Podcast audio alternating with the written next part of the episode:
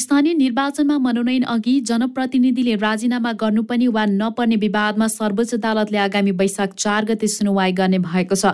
आज न्यायाधीश द्वय तेजबहादुर केसी र कुमार रेग्मीको इजलासले सो विवादमा रिट निवेदक जनप्रतिनिधि र विपक्षी निर्वाचन आयोगलाई छलफलमा बोलाएको थियो। निर्वाचन आयोगले मनोनयन अघि जनप्रतिनिधिले राजीनामा दिनुपर्ने व्यवस्था निर्वाचन आचार संहितामा राखेपछि सिन्धुपाल्चोकको हेलम्बु गाउँपालिकाका अध्यक्ष निमा गाल्जन लामाले राजीनामाको व्यवस्था खारेज गर्नुपर्ने माग गर्दै सर्वोच्च अदालतमा रेट निवेदन दायर गर्नुभएको थियो। सो रिटमा सुनवाई गर्दै गत चैत्र आठमा सर्वोच्च अदालतले राजीनामाको व्यवस्था तत्काल कार्यान्वयन नगर्न अन्तर्कालीन आदेश दिएको थियो। सो अन्तर्कालीन आदेश खारेज गर्न माग गर्दै निर्वाचन आयोगले आजै सर्वोच्च अदालतमा निवेदन दिएको छ। निर्वाचन आयोगको सो निवेदनको सुनवाई गर्दै न्यायाधीश केसी र रेग्मीको इजलासले दुवै पक्षलाई वैशाख चारमा छलफलमा बोलाएको हो। निर्वाचन आयोगको निर्णयप्रति अखिल नेपाल राष्ट्रिय स्वतन्त्र विद्यार्थी युनियन अनेरा सोबियुले आपत्ति जनाएको छ। निर्वाचन आयोगले स्थानीय तहको प्रमुख उपप्रमुख वा अध्यक्ष उपाध्यक्ष मध्ये कुनै एक पदमा मात्र उम्मेद्वारी दर्ता गराउँदा महिलालाई नै उम्मेद्वार बनाउनु पर्ने बाध्यकारी व्यवस्था संशोधन गरेको थियो। उक्त निर्णयप्रति अनेरा सोबियोले आपत्ति जनाएको हो।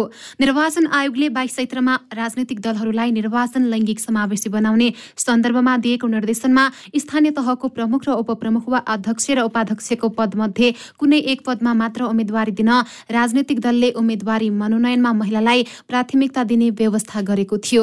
अनेरा सोभियुकी अध्यक्ष सुनिता बरालले एक विज्ञप्ति जारी गर्दै सो सूचनाप्रति गम्भीर आपत्ति जनाउनु भएको थियो।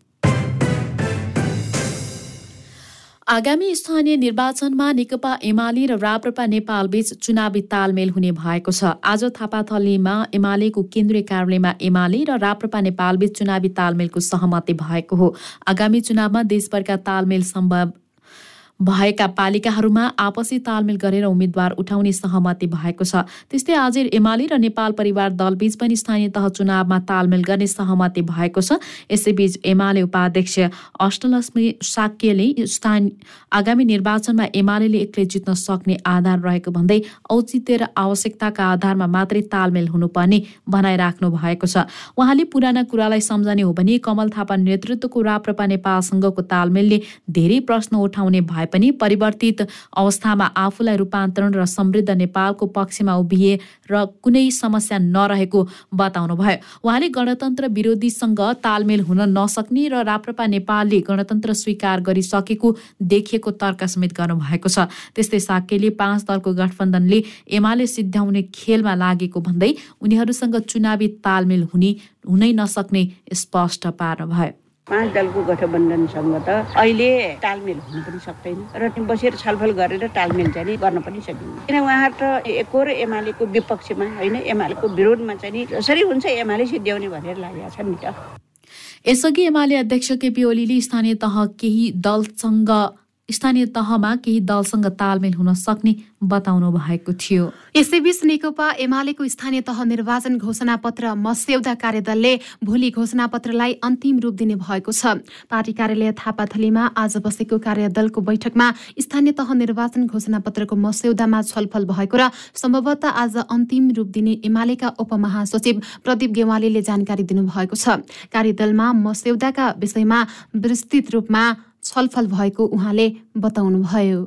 कार्यदलमा मस्यौदाको पहिलो छलफल सुरु भएको छ। मस्यौदा तयार भएर त्यसमाथि हामीले प्रारम्भिक छलफल गरेका छौँ र यो छलफल भोलि पनि जारी रहनेछ। सम्भवतः भोलिसम्ममा हामीले चाहिँ नेकपा एमाले स्थानीय तहको निर्वाचनसँग सम्बन्धित घोषणापत्र फाइनल गर्नेछौँ। वरिष्ठ उपाध्यक्ष ईश्वर पोखरेलको संयोजकत्वमा एमाले सात सदस्यीय कार्यदल गठन गरेको थियो। घोषणा पत्र वैशाख नौ गते पार्टी स्थापना दिवसको अवसरमा सार्वजनिक गर्ने र सोही दिन सात सय त्रिपन्नवटै पालिकामा प्रतिबद्धता पत्र सार्वजनिक गर्ने एमालेको तयारी छ। यसैबीच नेकपा एमालेका अध्यक्ष केपी शर्मा ओलीले मुलुकको लोकतन्त्र लोकतन्त्रलाई स्थायित्व प्रदान गर्न नेकपा एमाले सक्षम रहेको दावी गर्नुभएको छ।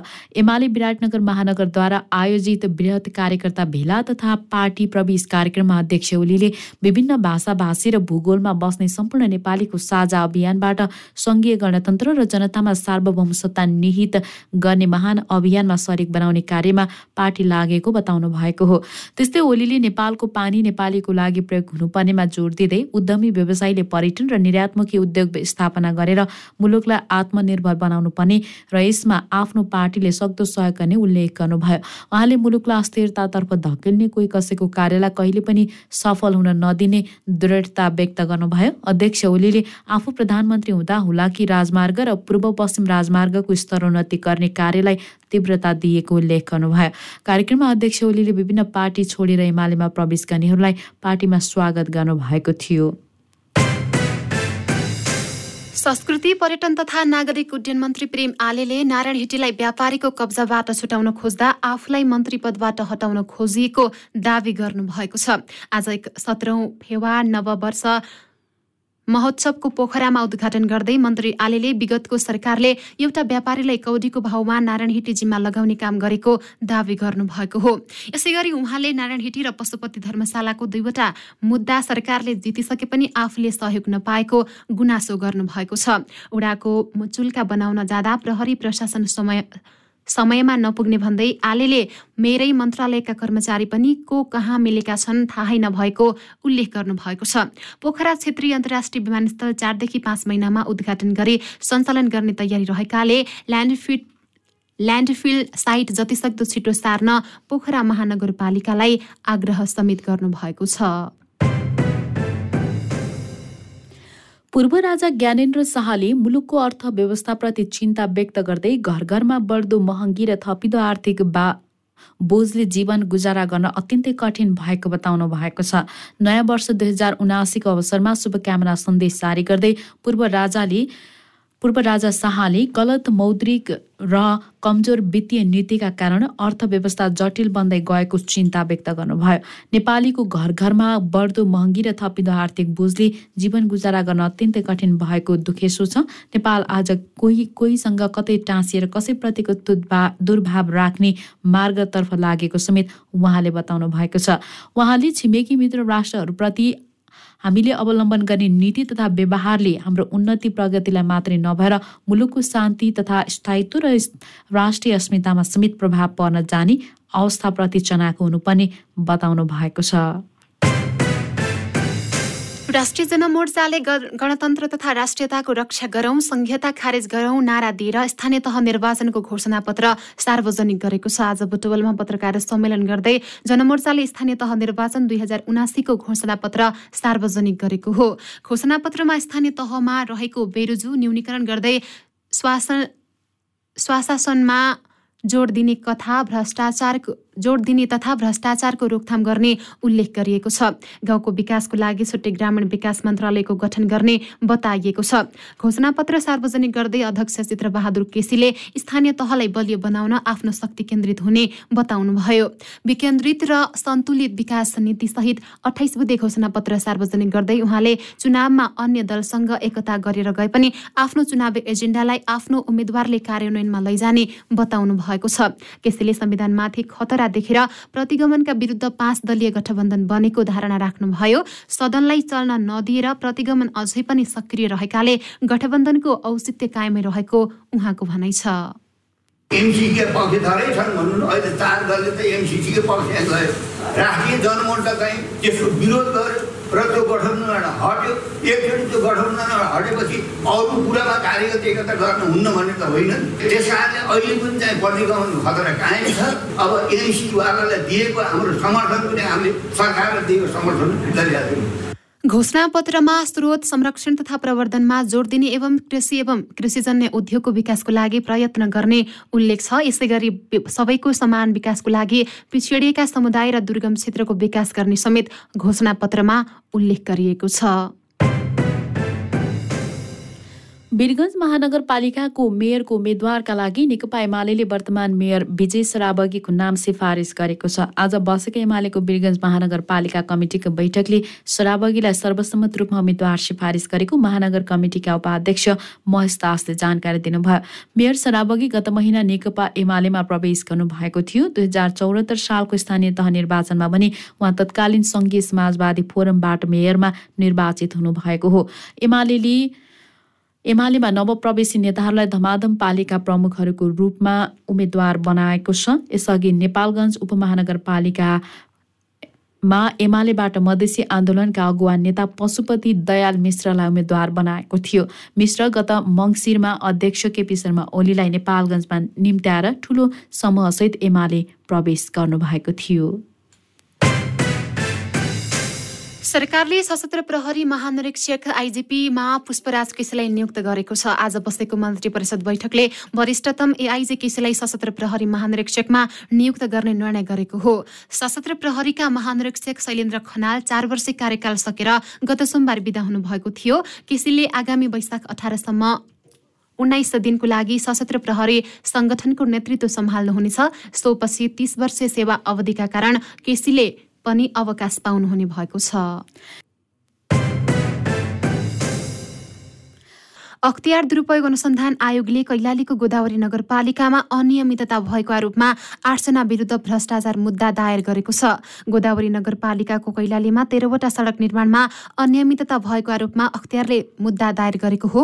अख्तियारले गोदावरी नगरपालिकाको तत्कालीन प्रशासकीय अधिकृत खेमराज विष्ट देवराज जोशी तत्कालीन engineer Purna Kunwar sub engineer Ramchandra Bhandari Naresh Narendra Shahi Rajendra Bhandari lab technician Dhanbahadur Bista र निर्माण व्यवसायी डम्बर चन्द विरुद्ध चौरात्तर लाख एकचालिस हजार रुपियाँ बेगोसहित माग सहित मुद्दा दायर गरिएको हो। ओखलढुङ्गामा बोलेरो जीव दुर्घटनामा परि मृत्यु हुनेको संख्या तीन पुगेको छ। मानेभन्ज्याङ गाउँपालिका छ हर्कपुर स्थित सिद्धिचरण राजमार्गमा आज बिहान जीव दुर्घटनामा परेको थियो। जिल्ला प्रहरी कार्यालय सोलुखुम्बुबाट प्रदेश प्रहरी कार्यालय विराटनगर जाँदै गरेको बा सत्र च दस चौरानब्बेको डबल क्याब बोलेरो सडकबाट एक सय पचास मिटर तल खस्दा तीन प्रहरी कर्मचारीको मृत्यु भएको हो। बोलेरोमा सवार प्रहरी हवलदार भूपेन्द्र कार्की र प्रहरी जवान मानिक राजवंशीको घटनास्थलमै मृत्यु भएको थियो। प्रहरी जवान रूपक विष्टको उपचारको क्रममा नेपाल प्रहरी अस्पताल काठमाडौँमा मृत्यु भएको प्रहरीले जनाएको छ।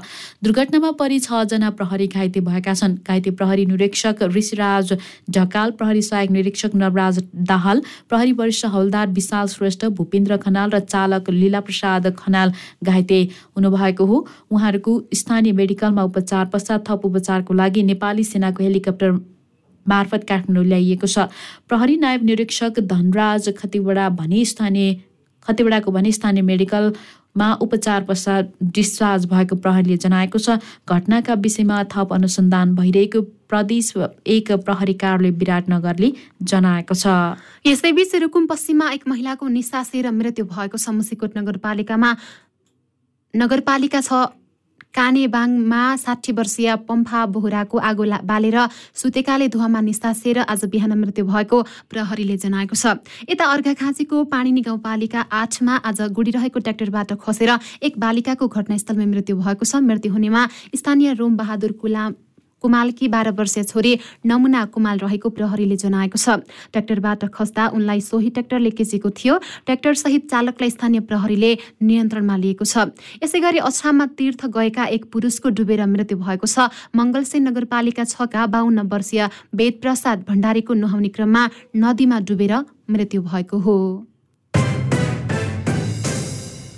पछिल्लो चौबिस घण्टामा नेपालमा उन्नाइसजनामा कोरोना संक्रमण पुष्टि भएको छ। स्वास्थ्य तथा जनसङ्ख्या मन्त्रालयका अनुसार तिन हजार तिन सय उनपचास जनाको पिसिआर परीक्षणमा पन्ध्रजना र एक हजार तिन सय छत्तिसजनाको एन्टिजेन परीक्षणमा चारजना गरी उन्नाइसजनामा सङ्क्रमण पुष्टि भएको हो।